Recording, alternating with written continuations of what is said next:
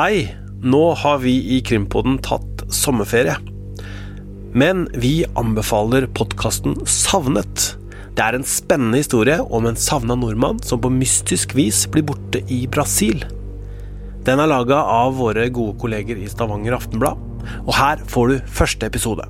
Vil du høre resten, så må du være VG abonnent og du finner podkasten i VG-appen eller på vg.no savnet. God sommer!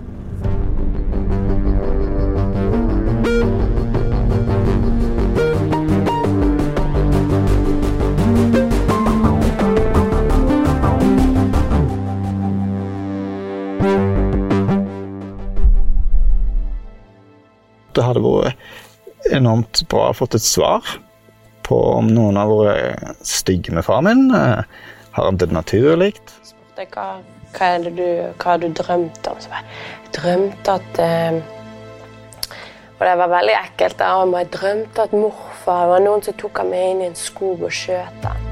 Dette er jo en spesiell sak. Det er det. Hva har du funnet, André? Menneskebein. Nei, overalt. Nei, jeg tror han kan ha blitt drept, jeg. Ja. Han er iallfall Noen vet noe. Ja. Noen skjuler noe.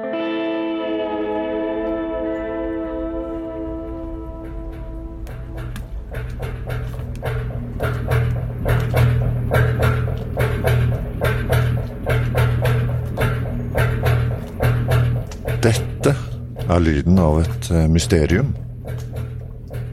Har du levd lenge nok, har du kanskje hørt den før. I hvert fall var denne dunkinga velkjent for folk i havneområdene i Stavanger på 1960-tallet. Den kom fra rubbmotoren på den lille ferja Ragnar, som frakta folk mellom Stavanger sentrum og byøyene utenfor i tida før den store bybrua kom.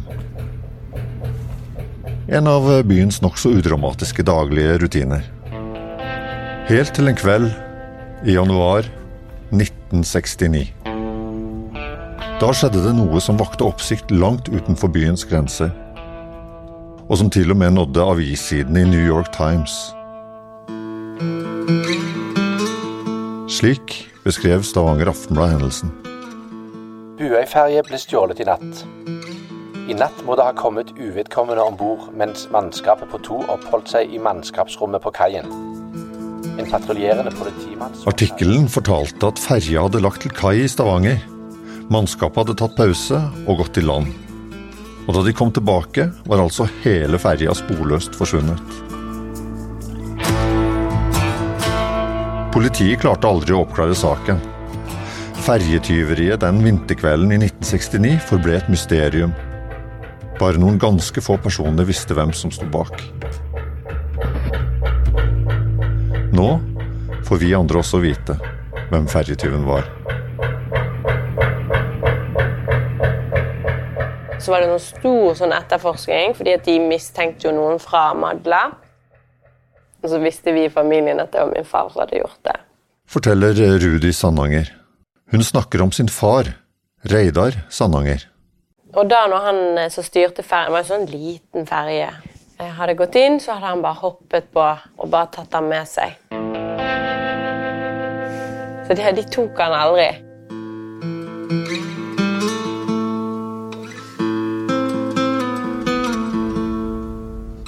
Neste morgen ble den forsvunne Buøyferja funnet ved kaien i Koppevik, noen mil nord for Stavanger. I god behold, men uten noen om bord.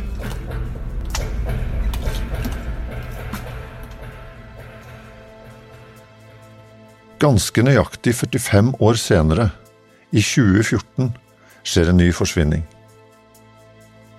Denne gangen er det ikke ferja, men Reidar selv som blir borte. Brått mister familien kontakten, og det blir stille. Eller eh, nesten stille. Og den historien tar det litt lengre tid å fortelle.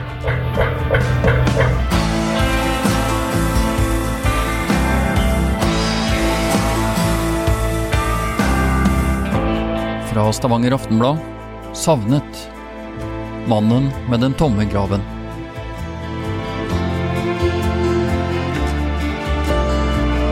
Første episode Siste livstegn.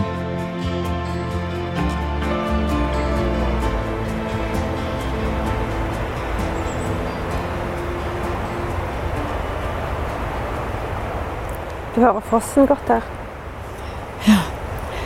her. Det var en fin stein, da. Ja. Gravlunden i Sauda ligger vakkert til, med utsikt til fjorden og omkransa av skogkledde fjell. Kollega Elisabeth Risa og jeg, Hans Petter Aas, står her ved en stein sammen med de to søstrene Anne Grete Michaelsen og Bjørg Nina Sandanger.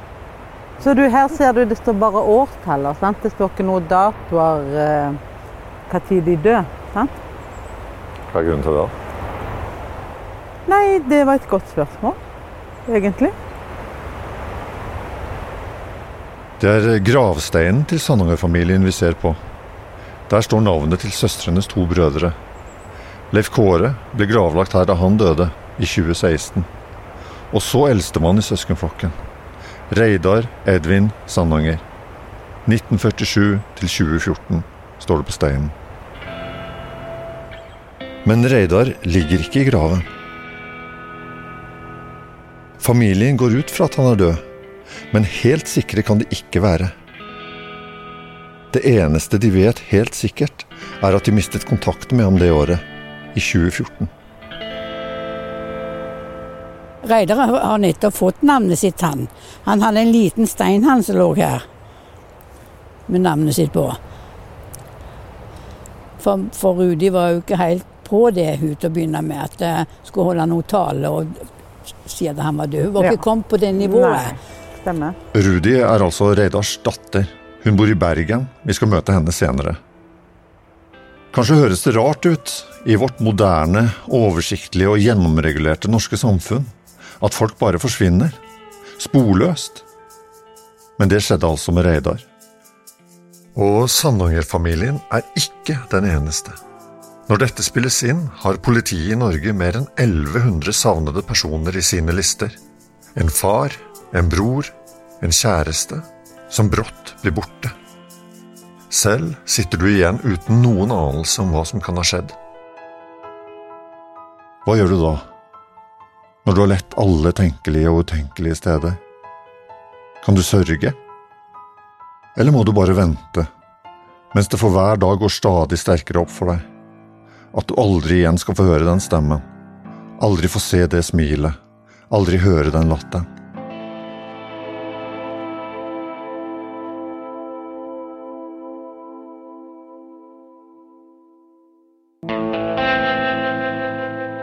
Det er eh, ulike typer saker der folk er savnet.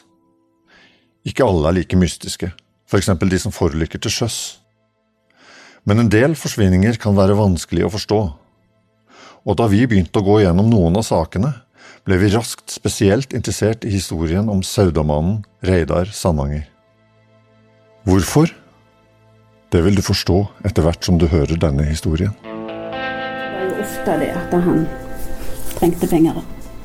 Kjapt. Så, så skjønte jo vi at her er det et eller annet Det er jo et eller annet som har skjedd med Så plutselig så bare Nei, han er savnet. Og det var jo etter politiet hadde vært og banket på døren.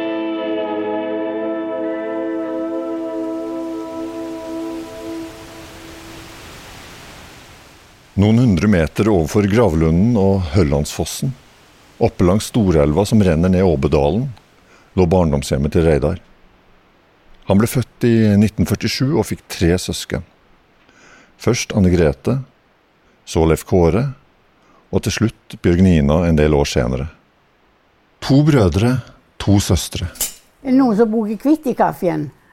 De to søstrene bor fortsatt i Sauda og treffes ofte, som i dag når vi er på besøk. Må spise nå, det er masse lapper ute. Anne Grete ble født like etter Reidar, og forteller om en bror som fant på mange skøyestreker, men som også var en snill storebror. Veldig snill. Jeg, vi, er jo, vi er jo vokst opp sammen, vi er jo bare 13 måneder forskjell på oss. Men vi, vi var allikevel sånn natt og dag, da. Jeg var jo mer gutt, eller hans alltid mor mi, for jeg var den som kløyv i trær og sånn greier. Den andre var ute og spente fotball og lekte, så satt han hjemme og tegnte hotell. Og pugga, pugga hovedstaden. Han kunne, han kunne alle hovedstader i verden. Han var bare sånn som interesserte ham. Men han likte ikke å bli skitten heller, Reidar, vet du. Men så vet du, det var han som fant på forjekelskap, og så var det regel jeg som fikk skylda først, da, vet du, for de trodde jo ikke det var han.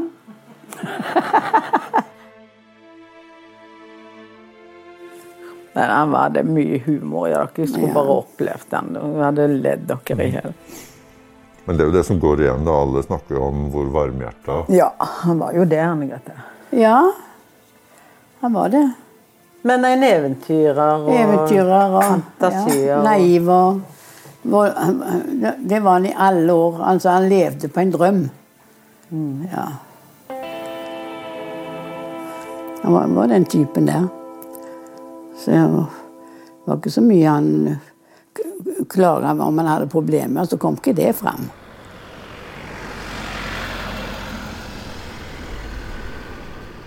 På 1960-tallet var det stort sett to muligheter for ungdommen i Sauda. Å begynne på smelteverket, som var hjørnesteinsbedriften i bygda, eller å dra til sjøs. Reidar ble sjømann allerede 15 år gammel. Omtrent samtidig som yngstesøster Bjørgnina ble født. Han reiste jo tidlig ute, så jeg så jo bare han som en kjekk onkel som kom hjem med dokker og, og sånne ting. Jeg husker første turen han kom hjem i Vindafjord. De kom hver måned, de, vet du.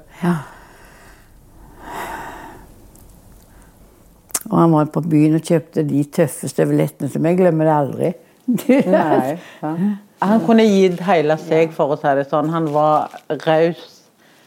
Sant? Han, eh, han var det. Ja, han var det. Han kom, husker han kom hjem med ei svær kasse en gang da mine unger var små. Jeg hadde jo tre stykker. og og de hadde jo aldri sett sånn, vet du. Det var, Rune fikk fly med, med bensinmotor, og jentene fikk noen dokker som kunne, så de leide som kunne gå. Og så hadde han kjøpt sånn Canada-jakker til de. Det var en hel kasse bare med gaver til de, vet du.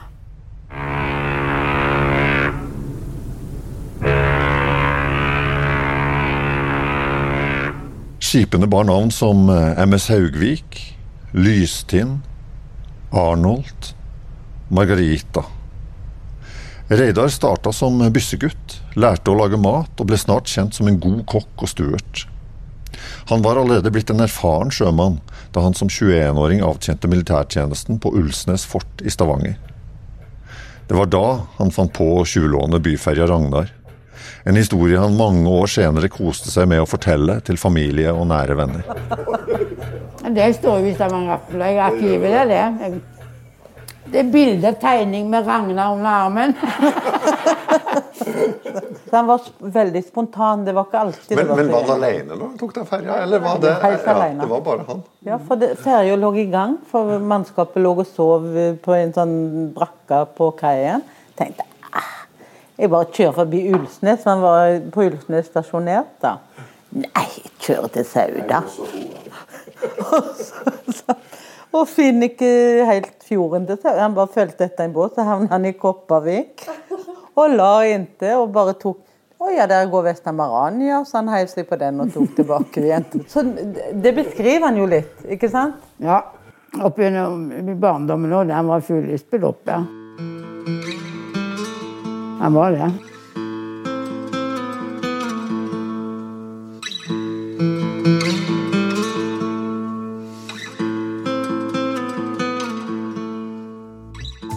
En vanlig A4-tilværelse viser seg i det hele tatt å passe dårlig for Reidar. Han seiler sin egen sjø gjennom livet. Gjennom det første ekteskapet på 70- og 80-tallet, da han får en sønn og prøver seg som landkrabbe hjemme i Sauda. I noen år eier og driver han Grand Hotell med puben Manila, som senere ble udødeliggjort i Kjartan Fløgstads roman Grand Manila. Men skjær i sjøen gjør at både ekteskapet og hotelldriften havarerer og Reidar drar ut på havet igjen.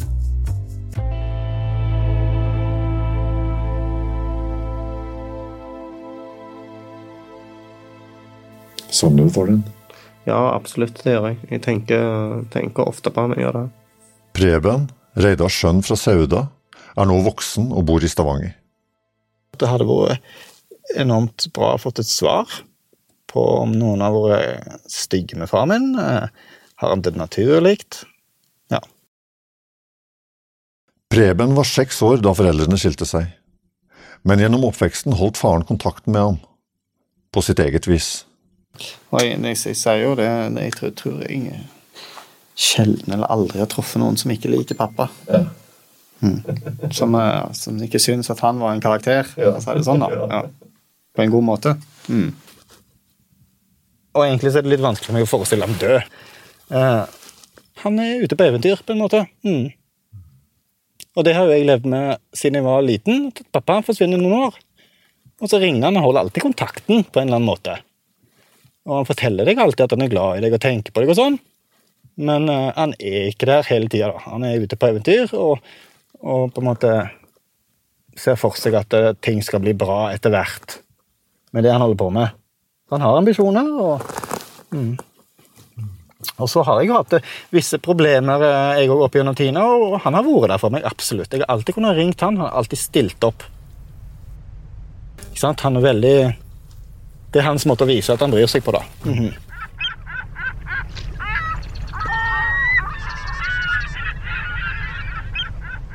Etter ekteskapet og hotellprosjektet i Sauda drar altså Reidar til sjøs igjen. På 1990-tallet driver han en stund flere ferjekafeer i Sunnhordland, sammen med sin nye kone som han møtte i Thailand, og som han har fått datteren Rudi med. Men også dette forholdet tar slutt. Og når fastlandsforbindelsen erstatter ferjene i Trekantsambandet rundt årtusenskiftet, går også kafédriften over ende. Reidar jobber igjen som kokk og stuert, bor en stund i Spania mens han jobber på norske fiskebåter. Det fortsetter han med også når han mot slutten av yrkeslivet flytter til Brasil. Der blir han samboer med en brasiliansk kvinne og får etter hvert en ny datter. Det er der han bor i 2014, når han brått forsvinner og rare ting begynner å skje.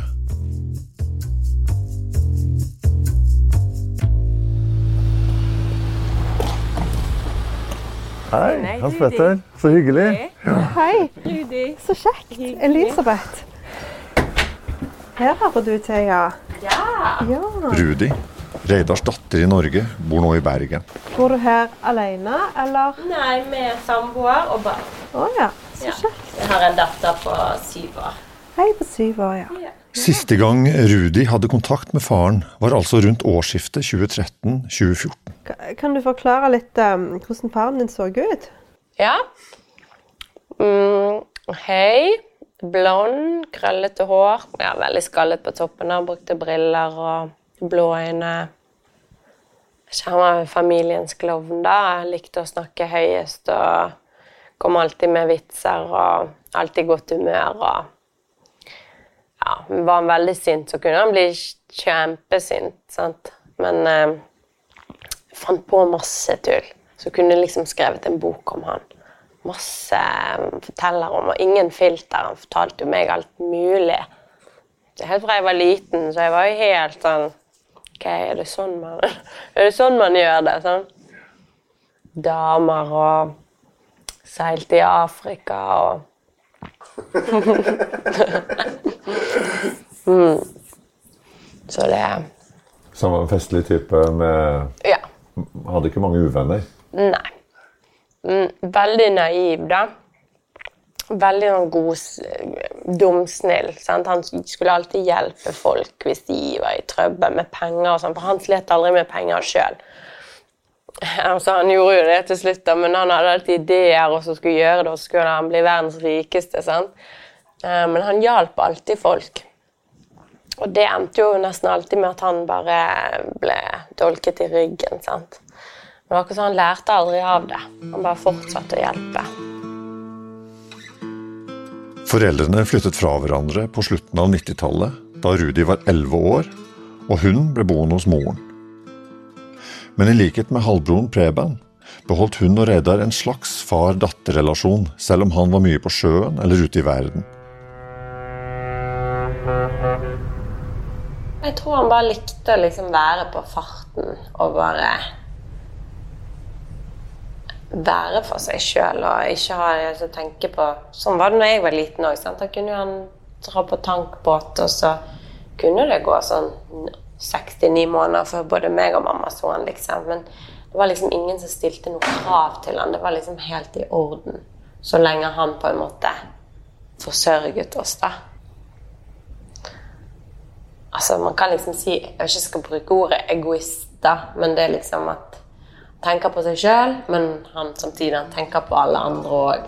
Men at eh, han ville leve det livet, han, og det var greit. Det var liksom helt i orden. For Rudi var det dette som ble normalt. Det var liksom, Han var jo fremdeles pappa, og det er på en måte den normen ja, Det jeg var vant til, da. Hva jeg kunne forvente av han. Så. Jeg har liksom aldri vært noe bitter eller noe sånn. Jeg bare tenker godt om han. Ja, For han var opptatt av familie og sånn? eh. Ja, ja, ja. Du snakka om at han dukka opp på, på Ja, det sånn- og begravelser og ja. Sant? Og han kom med det dåpen til min datter, og da ville han gå fremst og holde henne eh, bort til alteret. sant? Sånne ting. Eller nå når jeg giftet meg, når jeg skulle gifte meg en dag, og det gledet han seg til. sant? Eller det at å, jeg, han ville gjerne ha en begravelse, eller begravelse var veldig viktig og sånn for han, da. Han var liksom litt eh, kristen på den måten når det kom til ting i forbindelse med kirken og sånn, men ja. Ikke som ellers. Nei. Utenom eh, familiebegivenhetene var altså Reidar mye på farten. Og det kunne i perioder være lenge mellom hver gang de snakket sammen. Samtidig sørget han alltid for at det var mulig å kontakte ham. Uansett hvor han var i verden, forteller Rudi. Hvis det var et eller annet, så visste jeg alltid kunne få tak i ham. Da kunne jeg sende han en mail og bare 'kan du ringe meg?' Og da kunne det gå et par dager, så tok han kontakt. Jeg, altså, jeg, jeg er ikke bekymra om det går eh, 20 dager uten at jeg hører fra faren min. Forteller Rudis halvbror Preben. Eh, det jeg blir bekymra er når jeg ikke får tak i han når jeg prøver på det. For eh, jeg hadde tilgang til å få tak i han. Enten det var en bror, eh, så snakket jeg med han, eller det var i Brasil, så snakket jeg med han. Eh, og han eh, hadde liksom en ordning på det alltid, at han kunne få tak i han. Enten det var et telefonnummer der han var, eller til hotell, eller mm. Det samme opplevde Reidars søsken i Sauda, forteller den yngste søsteren Bjørg Nina. For uansett hvor han var i verden, så ringte han. Om det var han var på Kapp Verde og det, Altså, han brydde seg han var, Uansett hva situasjon han var i, han pynta jo ikke på det, da. Nei, Reidar pyntet ikke på det når han skulle fortelle noe. Kanskje var det bare personligheten. Kanskje er det et trekk som følger med livsstilen han hadde, der det å seile rundt i verden var blitt den mest naturlige tilværelsen. Forsøkene på å jobbe på landjorda hadde strandet. Både hotelldrift og ferjekafeer hadde han måttet gi opp. Stadig hadde han vendt tilbake til sjøen, til skipsbyssa og yrket han mestra til fulle. Hjemme i Norge hadde han to ekteskap bak seg før han reiste til Brasil og ble samboer der. Det omflakkende livet var blitt det som passet ham best, både profesjonelt og privat. For han var sånn når han fikk nok, så bare stakk han, liksom. Og sa nei, nå vil jeg nå vil jeg eh, komme meg videre, liksom. Sånn var liksom han. I noen år etter den siste skilsmissen og problemene han hadde med kafédriften på ferjene, hadde Reidar hatt en leilighet i Spania. Der bodde han i friperiodene på land. Så bestemmer han seg altså for å flytte over Atlanterhavet, til Brasil. Året er 2004, og Reidar har blitt 57 år gammel.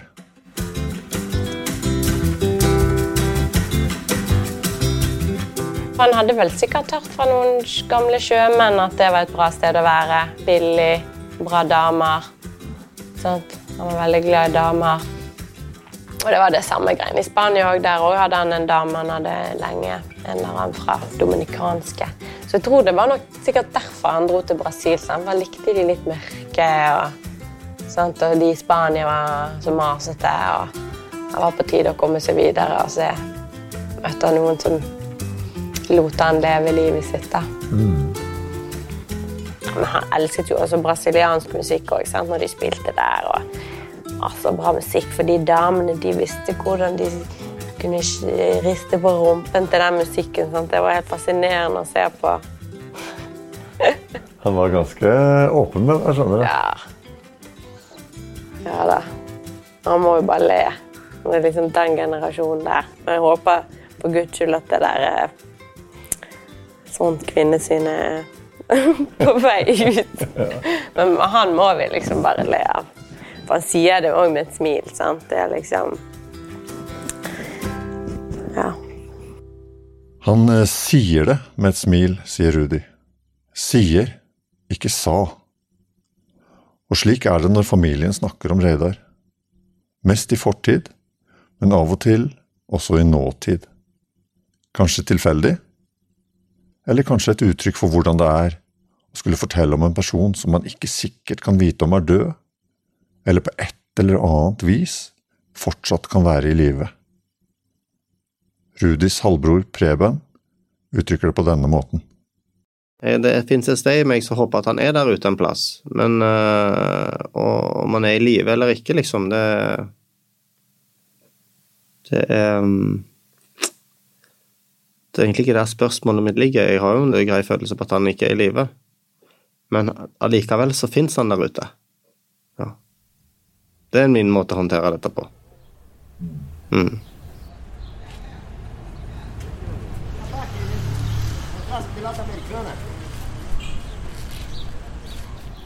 Det er i utkanten av Recife, millionbyen som ligger ved Atlanterhavet på den ytterste østlige spissen av Sør-Amerika, at Reidar slår seg ned i 2005. Han flytter sammen med kjæresten, som har en datter fra før, og et par år senere, i 2007, får de to en ny datter sammen. Reidar er da en godt voksen mann på 60 år, men syntes det var stas både med den nye datteren og den eldre stedatteren. Ja, vi snakket jo mye om det, at de reiste, så kjekt å ha, for de reiste på badestrender. og Jeg husker hun var veldig opptatt med hun eldste datteren. der når Litla var, var jo så liten, da, men var opptatt med å ha norske barna filmer med seg. Vi sendte mye julepresanger, og, og, og etter du ser på bildene, så er hun som han hadde fra før, så er han som hun er veldig glad i Reidar. Liksom han, han er veldig glad i unger, der han alltid vært. Mm. I Recife investerer Reidar etter hvert i to leiligheter. I den ene bor han, kjæresten og barna. I den andre bor kjærestens bror og hennes mor. Men også i Brasil oppholder Reidar seg bare i perioder. I lange strekk er han vekke på jobb, som kokk og stuert på fiskebåter i Nordsjøen, Norskehavet og Barentshavet. Han var jo der mer eller mindre bare i fe og fe ferierte. Han gjorde jo det. Han jobba jo Pendla jo att og fram. Han var jo ikke så lenge om gangen der nede. Men det var rederier her i Norge. Ålesund, ja. -hmm. Men eh, Reidar er ingen ungdom lenger. Han har kols, og har også fått satt inn pacemaker på 1990-tallet. Helsa er ikke helt på topp. Det fikk Rudi merke en gang hun eh, hadde besøk av ham i Bergen. Det var sånn Vi bare Går det bra, liksom? Han bare Å, å jeg kan ikke ligge. Bare, Det gjør så vondt å puste, liksom. Så han satt og sov. Og vi bare Du må seriøst gå til legen. Sånn. Nei, det er sikkert bare lungebetennelse eller noe sånt.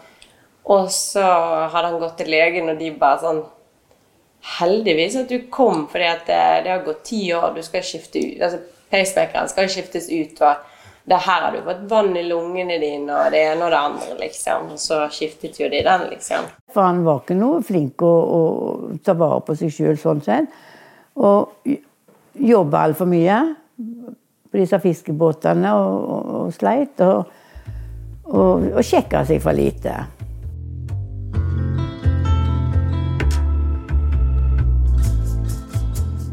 Reidar pendler altså mellom jobben på fiskebåten i Norge og sin brasilianske familie i Recife. Men etter noen år, sent i 2012, blir det knuter på tråden i forhold til samboeren også der. Reidar legger om kursen igjen. I stedet for Brasil begynner han nå å tilbringe friperiodene på Kapp Verde, den lille øygruppen i Atlanterhavet rett vest for Afrika.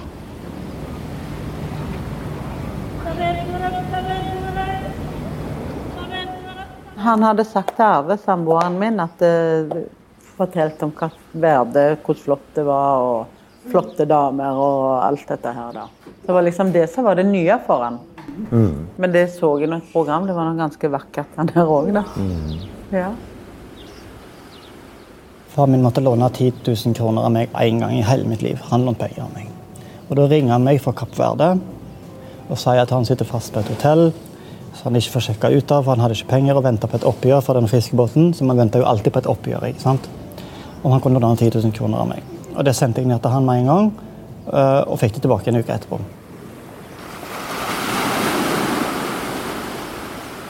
Etter hvert blir det dyrt å bo ukevis på hotell. Og via noen venner på Kapp Verde får Reidar i stedet leid et hus som han flytter inn i. Dit reiser han igjen sensommeren 2013 etter en ny tur på sjøen. Men eh, vennene på Kapp Verde får stadig høre om meldinger til Reidar fra familien hans i Brasil.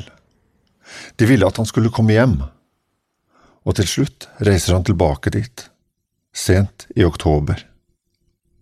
Men før han forlater Kapp Verde, forteller han flere at han også har et annet ærend i Brasil. Han vil selge den ene leiligheten han eier der. Den eh, moren og broren til den tidligere samboeren nå bor i. Og så hadde visst hun sagt at moren hennes var veldig syk og måtte operere og sånn. Og så var det de leilighetene og litt sånn. Så han ville ned og, og, og selge den ene, og kalle det hva om det var den store eller lille, det vet jeg ikke. Og den andre ville han føre over på dattera. Altså den lille datteren som han hadde i Brasil. Eh, Så han ville jo sikkert reise der for å på en måte ha denne vet ikke jeg, avslutningen før han skulle da eventuelt flytte til Kappe Verde. Eller hjem igjen til Norge. For nå har Reidar blitt 66 år. Han har begynt å forberede seg på livet som pensjonist. Fra Brasil tar han kontakt via chat med sin niese Kristina. Hun er datteren til Reidars bror Leif Kåre og eier et hus i Sauda. Ja, for jeg hadde jo kontakt med han i begynnelsen av desember, vel. Dette er altså like før jul i 2013. Sånn som du husker det da, når han var i kontakt med deg. Hva planer var det han hadde i forhold til å komme tilbake til Sauda? Nei, det som han sa, det var at helsa hans, eh, den skranta. Den, han hadde jo pacemaker og, og forskjellig. Eh, og at helsetilbudet da i Brasil var ikke Han måtte sikkert betale det sjøl. Eh, og at han ville flytte inn og så bo der som han. Og han var hjemme, og mor deres levde. Hun hadde et treetasjes hus, og på toppen der, i en liten sånn krypinn eh, loftsleilighet uten dusj og do, der, eh, der holdt han hus. Og der kunne han bo i månedsvis når han eh, hadde et eller annet prosjekt. Eh, Så han skrev jo litt detaljert at han kunne være med å pusse opp dette, sånn at han kunne bo der og ja. Reidar sier altså at han vil flytte hjem til Sauda.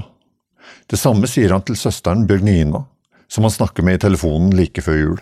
At jeg tror det var Om det var lille julaften eller et eller annet. For jeg husker jeg ble så glad liksom, at vi hadde fått kontakt med han og sånn og sånn. Første juledag får datteren Judy i Bergen en samtale på chat fra Reidar. Samtalen var ganske kort. Så skrev jeg liksom 'God jul'. Her hadde jeg ingen mistanke. 'God jul, er du i Brasil?' Og så skrev han bare 'ja'. Og så spør jeg liksom 'ja, hvordan går det? Alt godt? Er du der?' Ja, av og til. For da var det sånn I eh, romjula 2013 begynner Reidar å sende mailer til banken sin i Sauda. Han er i beit for penger fordi han venter på et nytt bankkort som skal komme i posten. Nå trenger han en nødoverførsel fra banken hjemme. 30. desember får han svar fra sin faste kontakt, Aina Bergsbakk, som er tilbake på jobb etter juleferien. God morgen, skriver hun, og forteller at hun er på plass. Like etterpå får hun følgende mail fra Reidar. God morgen. Har vanskelig for å bruke god. Det har her vært to postdager til, og ingenting er ankommet. Her sitter jeg blakk i 20 dager, med to mindreårige barn, og venter på nyttårsaften. Jeg husker den meldingen der. Den husker jeg egentlig godt. sier bankdamen Aina Bergsbakk. Fordi at han var så Han virka òg. Og vi, vi prøvde jo å sende akkurat den samme dagen som vi fikk en melding, så sendte vi pengene. Og hvis han ikke fikk de snart nok, så var det krise. Mm. Så det var tydelig at der hadde Ja. han, der hadde han veldig behov.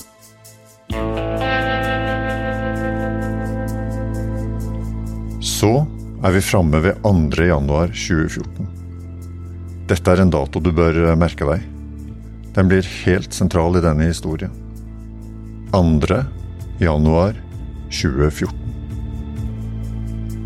Rett før klokka halv fire den dagen mottar Sparebanken Vest i Sauda en mail fra Reidar.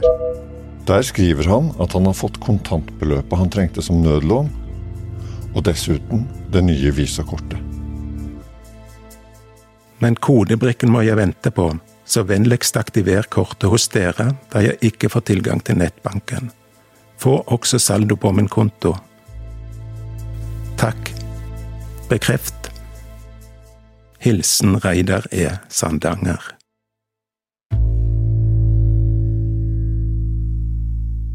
Så blir det brått helt stille fra Reidar.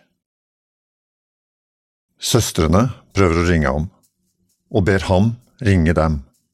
Ingen svar. Hvorfor ringer han ikke hjem så lenge han kunne ringe hjem i desember? Sant? Banken, som han har en viktig dialog gående med, prøver å ringe ham. Ingen svar. Han tok ikke telefonen, ringte opp flere ganger da. Han tok aldri telefonen? Nei, han gjorde ikke det. Så begynner de plutselig å få meldinger fra Reidar igjen. Og så begynner de der merkelige meldingene, sant? Flere meldinger. Og jo flere som kommer, jo mer skjønner de at noe er alvorlig galt.